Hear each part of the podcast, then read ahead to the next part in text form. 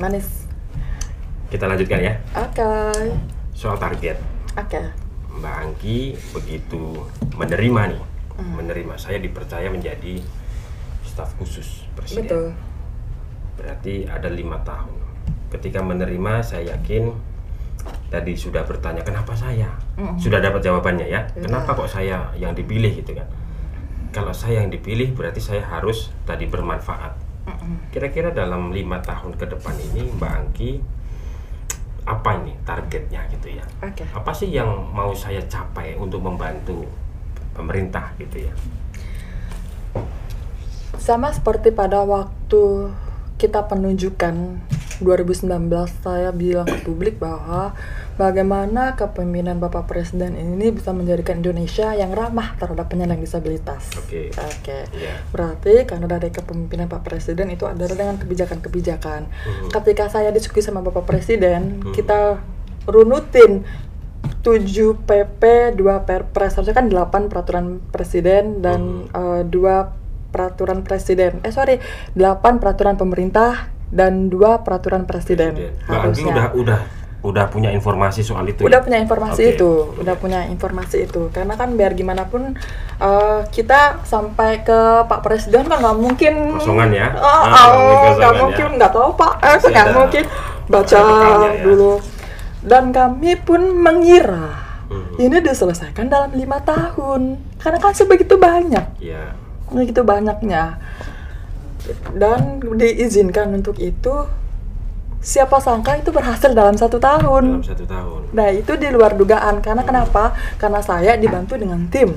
Iya. Saya dibantu dengan tim, Mhm. saya dibantu juga dengan kementerian teknis, kementerian Mhm. teknis dibantu dengan organisasi. Artinya sebelum saya masuk silaturahmi di sebelumnya saya itu sebenarnya sudah kompak sebenarnya. Mhm. Pergerakan dari akar rumput itu juga sudah bergerak Mhm. sampai ke atas, Sampai ke bottom atas. to top. Iya iya. iya. Nah, memang pas di topnya ini kan bingung Hmm. apakah ini eh, ketika disahkan ini dampaknya seperti apa dan segala macam. Mhm. Tapi ketika pada waktu saya menjelaskan apa yang saya ibaratnya saya ke presiden saya presentasi, Iya. saya juga melakukan hal yang sama dengan menteri-menteri. Oke oke. oke. Iya kan, menteri satu, menteri dua, menteri tiga, mereka juga pasti bertanya.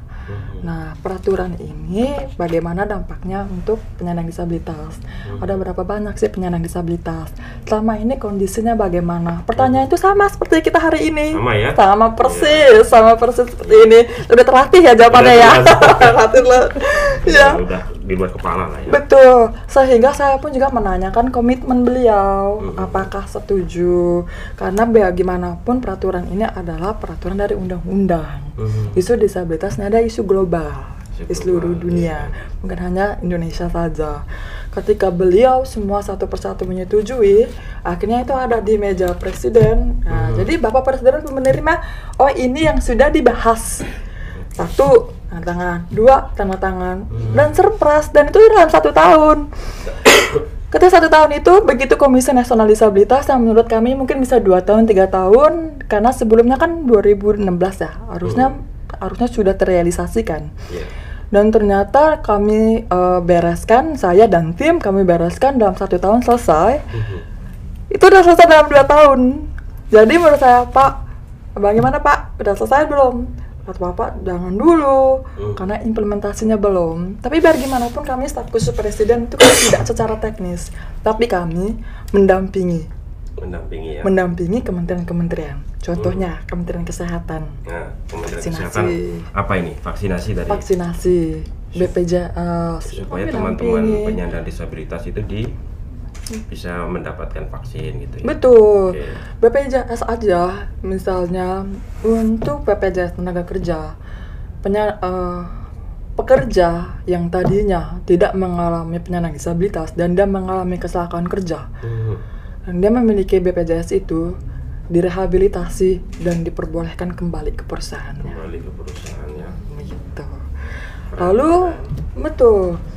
Kementerian Tenaga Kerja Hmm. Kementerian Tenaga Kerja MOU dengan Kementerian BUMN BUMN. untuk menjadi garda terdepan percontohan perekrutan perekrutan Oke. untuk 2%. Hmm. Dan ASN ASN sekarang sudah pada mendaftarkan membuka Iya, iya. untuk penyandang disabilitas. Ini sudah ada banyak penyandang disabilitas yang bekerja menjadi ASN. ASN ya. Nah, banyak. Apalagi ya kalau disebutin satu-satu, Banyak banyak, tadi KTP Dukcapil. Terus eh, Kementerian Pendidikan Mhm. dengan sekolah-sekolah luar biasa, sekolah inklusi. Sekolah inklusi. Nah. Iya, iya, iya. iya. Banyak ya implementasinya. Banyak ya, berarti memang Banyak sekali implementasi. memang anu ya, progresnya progresnya sangat baik lah ya. Sangat bagus bagaimana Mbak Angki ini eh, turut apa turut dalam apa itu? dalam perjuangan teman-teman penyandang disabilitas mendapatkan hak-haknya gitu. Sudah puas dengan kinerja hari ini? Belum. belum apalagi yang mau dilakukan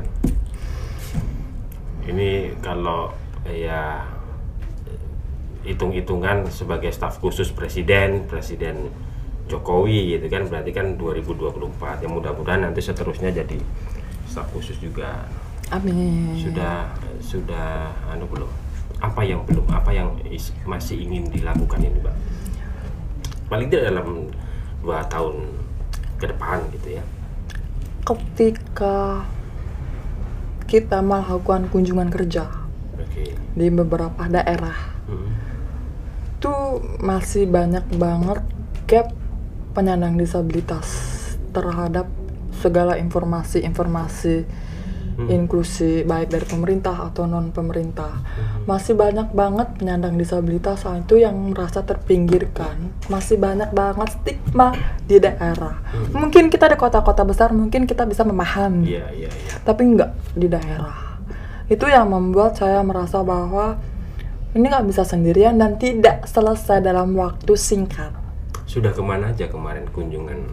wah Kunjungan hampir semuanya sudah, iya udah semua ya semua ya. Jawa yang pasti karena paling banyak di Jawa Oh, paling banyak. Jawa paling banyak Karena penduduknya paling banyak. tiga besar itu Jawa Timur Jawa Tengah Jawa Barat Oke. itu paling banyak Udah semua ya, paling tidak mendapat gambaran Udah. lapangannya. lapangannya Di daerah-daerah seperti Sulawesi, Kalimantan, Papua, Sumatera, kita punya networking, punya orang di sana, Hmm. punya komunitas di sana yang selalu setiap dari pemerintah pusat ini memiliki program. Kami kan harus izin juga dengan kepala daerah. Iya, iya, iya. Pasti. Apakah diizinkan oleh beliau untuk melakukan program ke masyarakatnya? Hmm, Banyak ya? banyak ya. Sumatera, Kalimantan, Papua. Yes. Papua ada tantangan. Luar biasa. Stigmanya tuh luar biasa. Stigmanya Jauh luar biasa. lebih susah. Hmm. Jauh lebih susah. Orang menganggap penyandang disabilitas kan dulu bilangnya penyandang cacat pada zaman Iya, dulu. iya, iya. Kita udah ganti menjadi penyandang disabilitas terminologinya, tapi kan untuk sen, apa ya bahasanya ya baby boomers atau kolonial pada zaman Hmm. dahulu bilang masih mengatakan bahwa penyandang disabilitas itu nggak bisa apa-apa Hmm. itulah stigma yang kami milenial untuk menunjukkan bahwa walaupun kami terbatas tapi setidaknya kami punya potensi Iya, iya, Gitu. iya. susah sih susah nggak gampang Susah tapi tidak mustahil ya. tapi ya memang jalannya ya. seperti ini kalau nggak kita nggak bertahan hidup Iya, iya. Kita harus bertahan hidup penyandang disabilitasnya harus nah itu hmm, ya kembali seperti yang disampaikan Mbak Anggi tadi tantangannya stigma ini kan berarti seperti yang tadi disampaikan juga soal literasi ya. Literasi bagi teman-teman penyandang disabilitas sendiri juga literasi masyarakatnya. Apa yang dilakukan untuk apa meningkatkan literasi ini Mbak supaya orang supaya teman-teman juga menyadari bahwa dia nggak bisa nih di stigma terus. Masyarakat pun juga begitu. Dia nggak boleh apa namanya punya stigma seperti itu eh, stigma negatif ya terhadap teman-teman penyandang disabilitas nah literasi ini semacam apa kira-kira ini? bisa dilakukan terus ini, atau sedang dilakukan kami selalu memunculkan role model role model baru role model apa itu penyandang disabilitas dengan keterbatasannya pasti memiliki potensinya. Potensi yang bagusnya selalu kita angkat. Oke. Kita selalu berteman dengan teman-teman media, Hmm. kita selalu berteman dengan teman-teman organisasi, kita memperkenalkan uh, potensi-potensi SDM yang bagus. Mm-mm. Dan dialah yang menjadi role model untuk teman-temannya Hmm. komunitasnya, Mhm. masyarakatnya. Artinya, kelompok-kelompok penyandang disabilitas pun merasa bahwa memiliki sosok yang mereka bisa dan bagaimana penyandang disabilitas ini turut untuk berjuang Hmm. dan mereka ingin maju. ingin maju. Tuh. Role model ya. Yes. Contohnya mbak. Contohnya, Iya. misalnya banyak masing-masing role model itu ada di daerah-daerah. Oke. Ada di Jawa Barat, Jawa Tengah, Mm-mm. Jawa Timur, Bali, masing-masing itu punya komunitas dan punya pemimpinnya gitu. Role modelnya inilah ibaratnya sebagai sosok kan namanya komunitas ya. Komunitas. Pasti kan circle ya. Oke, ada Nah, komunitas di situ terus. Nah, circle-nya. Kami selalu mengajak mengajak role model untuk apa pun program-program baik dari pemerintah apa pun non pemerintah, dialah role model, influencer Hmm, kami Iya iya iya. untuk mengajak seluruh teman-temannya, Hmm. untuk mengajak komunitasnya. Iya. Itu kami. Itu dari sisi Penyandang disabilitas. penyandang disabilitas. Dari sisi masyarakat nih.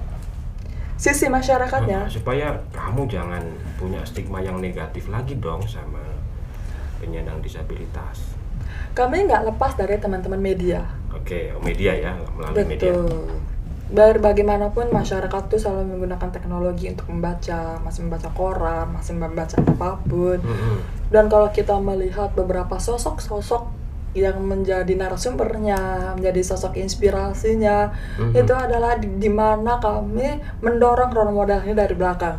Hmm. Kami kami memberikan rekomendasi siapa yang Hmm. menjadi role model itu. Role model itu ya dari beberapa daerah. Jadi nggak semua menyatu di Jabodetabek saja, Iya iya. tapi di beberapa daerah. Bahkan media kan juga ada berita lokal, Heeh. ya kan? Iya. Ada skala nasional, Iya. kita sesuaikan. Itu strategi komunikasi seperti itu. Cakep, menarik sekali. Keren eh, Mbak Angki. Boleh tahu nggak em, role modelnya Mbak Angki itu siapa? Jadi punya punya pemikiran seperti itu. Ada nggak role modelnya Mbak Angki sendiri? Ya, ya, ya, ya, ya. Apa ya, namanya ya tokoh inspiratif lah. Yes. Role model saya dari waktu saya kecil, Eh, saya itu mengagumi sosok Helen Keller. Helen. Helen Keller. Helen Keller itu adalah penyandang disabilitas tapi nggak di Indonesia ya, di Oke, di mana eh, itu? Di internasional. Ya. Adalah seorang penyandang disabilitas yang tuli, buta, Mhm. tapi bisa pendidikannya bisa tinggi Mhm. dan publish buku. Oke. Itulah yang membuat saya pertama kali saya punya buku tiga. Sudah punya buku tiga. Buku tiga, saya Kalah publish saya. buku tiga. Iya, berapa? Kalah saya. Iya. Saya empat. Oh, banyak juga. kalah saya kalah gitu. Iya iya iya. Oh, tiga buku dan itu membuat saya um, sosok yang nggak bisa melihat, nggak bisa mendengar, Mhm. tapi pendidikannya tinggi Mhm. dan juga hmm, apa ya namanya bisa buat buku itu yang membuat saya bertahan sampai saya lulus S2 Mhm. dan saya juga abis itu saya launch buku itu karena saya mengagumi Helen Keller. Saya nanti baca itu apa? Helen Keller, Keller. Helen Nah, Keller. nanti saya baca karena saya nggak belum tahu itu. Kira-kira itu itu yang menginspirasi Bangki ya. Nilai-nilai yang Bangki S2 apa ya, Mbak? S2 komunikasi. Komunikasi ya. Komunikasi. Sekarang berkomunikasi juga dengan dengan masyarakat, dengan penyandang disabilitas untuk membantu pemerintah gitu ya. Ya, Tadi saya belum selesai. Kira-kira apa namanya tadi em, target Bangki ini? Target sebagai staf khusus ini em, kira-kira dua tahun ke depan apa sih, Mbak? Dua tahun ke depan. Nah, paling tidak satu tahun, dua tahun ke depan ini harus selesai nih. Dalam apa nih? Dalam karir atau dalam masyarakat? Ya sebagai staf khusus. Nah. Kalau staf khusus kan berarti kita menjal- eh, menyelesaikan tugasnya kita sebaik mungkin. Nah, Nah, tugas Ya. staf khusus itu apa sih, Mbak? Hmm, kita membantu presiden kan untuk Mhm. dengan eh, tugas-tugas khusus yang diarahkan oleh beliau. Oke. Jadi eh, arahannya dari bapak. Kalau ada tugas khusus baru dipanggil itu Mbak Angki. Gitu ya. Betul. Kalau nggak ada tugas, khusus, Inisiatif dong. Oh, inisiatif ya. Iya, aja. iya, iya, iya. Mm, Inisiatif. Iya, iya. Jadi eh, kita udah mengerjakan apa segala macam, kita memberikan laporan update Mhm. terbaru. Biar gimana pun kami kan juga inovasi ya, inovasi. Ya kita mengupdate itu mengapa jajaran eh, Ring satu ya untuk Mhm. mendapatkan update-update apalagi milenial, Gen Z kan banyak update-update terbarunya. Mhm. Pengalaman paling menarik selama menjadi staf khusus. Yang paling mengesankan atau yang paling Pengalaman paling menarik. jangan yang menyedihkan lah, yang mengesankan gitu, yang pengalaman paling apa kira-kira atau di lapangan menemukan apa gitu ya. Banyak, Banyak, satu aja saya minta satu. banyak banget, banyak banget. Dulu pada waktu awal-awal bertugas yang nggak pernah saya lupakan dulu adalah saat lagi banjir. Lagi pertama itu, Nah, pertama-pertama. tahun 2020 tuh lagi Iya. banjir banget. Eh, Bapak Presiden itu menuju daerah Jawa Barat ya pada waktu itu banjir. Dan kita menggunakan helikopter. Ya Mbak kan? Anggi ikut di dalamnya. ikut dalamnya. Oke. Kita helikopternya tiga, satu, dua, tiga. Di saat kita sudah eh, mau mendarat, tek, terus tiba-tiba badai. Oke. Sedangkan helikopter bapak itu masih di atas, Mhm. Bah- bapak di atas. Dan kita nggak tahu apakah helikopter bapak di atas atau di tengah-tengah badai itu kan kita nggak tahu. Oh, iya, kita nggak iya. tahu pada waktu di itu. Jawa Barat di mana itu? Apa ya waktu itu aku lupa deh. Soalnya ada beberapa titik soalnya. Ada Hmm. beberapa titik itu 2020 saya udah dua tahun yang lalu kan. Iya, iya, iya. Terus habis itu dan saya perempuan sendiri disabilitas pula. Satu helikopter dengan Pak Presiden atau beda? Beda. Beda ya? Oke. Karena kita perangkatnya harus turun duluan gitu Mm-mm. kan, Bapak. Tapi habis itu pas saya lihat oh eh, tim semuanya cek Bapak kembali ke pangkalan. Berarti tidak bisa mendarat. Oke. Dan kami terjebak yang di bawah. kami terjebak semua di sana. Sudah mendarat, sudah Kita landing. sudah mendarat. Itu mau ngapain, Mbak? Mau ke situ? Kan kami memberi bantuan kan kepada masyarakat situ, Oh, bantuan. Banjir ya, banjir. kita karena banjir kita bantuan. ba- bantuan tapi kita nggak bisa pulang berjam-jam kita nggak bisa pulang Hmm. Itu kan pengalaman yang luar biasa ya maksudnya perjalanan iya. darat pun nggak bisa itu nggak ada yang bisa perjalanan darat itu Oke. pasti harus naik helikopter lagi Padahal badai. iya pas sedangkan hujan gede hujan badai dan segala macam dan helikopternya juga nggak berani untuk terbang Terbang ya, ya. jadi udah kita nungguin aja Sampai. sampai, sepanjang sampai sore kita berangkat pagi ya sampai sore begitu cahayanya udah eh, up, baru kita bisa pulang. Nah itu Hmm. pengalaman pertama di lapangan kunjungan pertama itu. kunjungan pertama. Oh, itu Dan menarik. kita masih bingung gitu ya, lalu dihadapin dengan hal seperti itu. Hmm. Dan itu ngebentuk mental ya sih sebenarnya, ngebentuk Iya, iya. mental. Enggak semuanya punya pengalaman seperti itu, Iya Mbak, ya betul. kan? Saya Dan pengalaman kayak bersama presiden untuk me- Komisi Nasional Disabilitas Mhm, mhm. itu adalah pengalaman yang luar biasa Iya. membentuk lembaga Iya. baru Mhm, yang artinya sebagai milenial tuh mhm. emang bisa waktu itu kan beberapa lembaga itu ada yang dibubarkan ada yang Iya, gitu iya, pada waktu iya. itu dan dan saya kan harus presentasi kenapa lembaga ini harus ada Mhm. Iya, Tapi kan? kan bu, anu tuh Mbak, bukannya itu perintah undang-undang. Komisi Nasional Disabilitas itu perintah undang-undang. perintah undang-undang Perintah undang-undang ya. Mm-mm. Dia harus ada nih yes satu komisi ini. tapi kan gak semua orang tahu itu perintah undang-undang apa enggak Iya, Jadi kan harus di, harus ngecek lagi satu-satu ini memang perintah undang-undang oh kalau Mm-mm. perintah undang-undang berarti memang diterbitkan Iya, itu kan ada betul kan prosesnya panjang prosesnya panjang ya. pembentukan pansalnya terus masyarakatnya tesnya satu dua tiga sampai peresmian peresmian di istana negara Iya, dan begitu pada diresmikan Mhm. saya cuma bilang sama pak presiden pak alhamdulillah saya berhasil pak Mhm. Berarti kalau saya boleh menyimpulkan ya, Hmm. Mbak Angki itu kemudian em, paling tidak itu merasa berkontribusi gitu ya dalam terbentuknya Komisi Nasional Disabilitas itu. Dan Mendorong. itu sebagai sebuah sebuah pencapaian besar gitu ya. mendorong tuh dan Mendorong. itu pengalaman yang bisa dilupain sih Hmm, experience ya experience. experience Iya, iya, iya. dan menjadi cerita dan nggak terlupakan sepanjang karir ya Panjang karir ya. Oke. Bagi sebetulnya masih banyak ini pertanyaan saya, tapi soal kita ngobrol setelah Wah dari iya, iya, iya, iya, soal waktu. Nah, saya sebagai anu Mbak, Mbak Angki sebagai closing statement gitu ya. Kira-kira apa ini yang Mbak Angki bisa sampaikan baik kepada teman-teman disabilitas atau kepada masyarakat gitu ya bahwa eh, ini apa namanya ya pesan-pesan pesan-pesan Mbak Angki lah yang selama ini diperjuangkan gitu. betul Indonesia ini kita itu berada di disruptif teknologi ya Yes.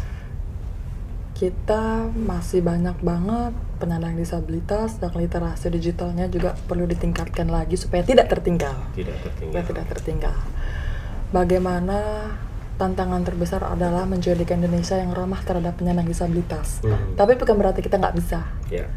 kita bisa selama kita saling bersinergi ber- selama kita berkolaborasi sama-sama Hmm. jadi Indonesia yang ramah disabilitas itu dimulai dari kita Ya. untuk kita semua Terima kasih Mbak Angki. Mahkamah Konstitusi bisa juga dielabor di diajak kolaborasi Mbak Angki terkait Mari. dengan perlindungan hak konstitusional eh, warga negara karena itu salah satu juga bagian dari eh, misi Mahkamah Konstitusi sebagai the protector of citizen constitutional right. Jadi kapan-kapan kalau ada yang bisa dikerjasamakan Let's kita sangat it. welcome. Mari Terima kasih Mbak Angki atas pem- perbincangan kita ya. Terima kasih sekali banyak pengalaman yang kita baik terima dapat. kasih banyak sehat-sehat Silakan diminum Mari. lagi.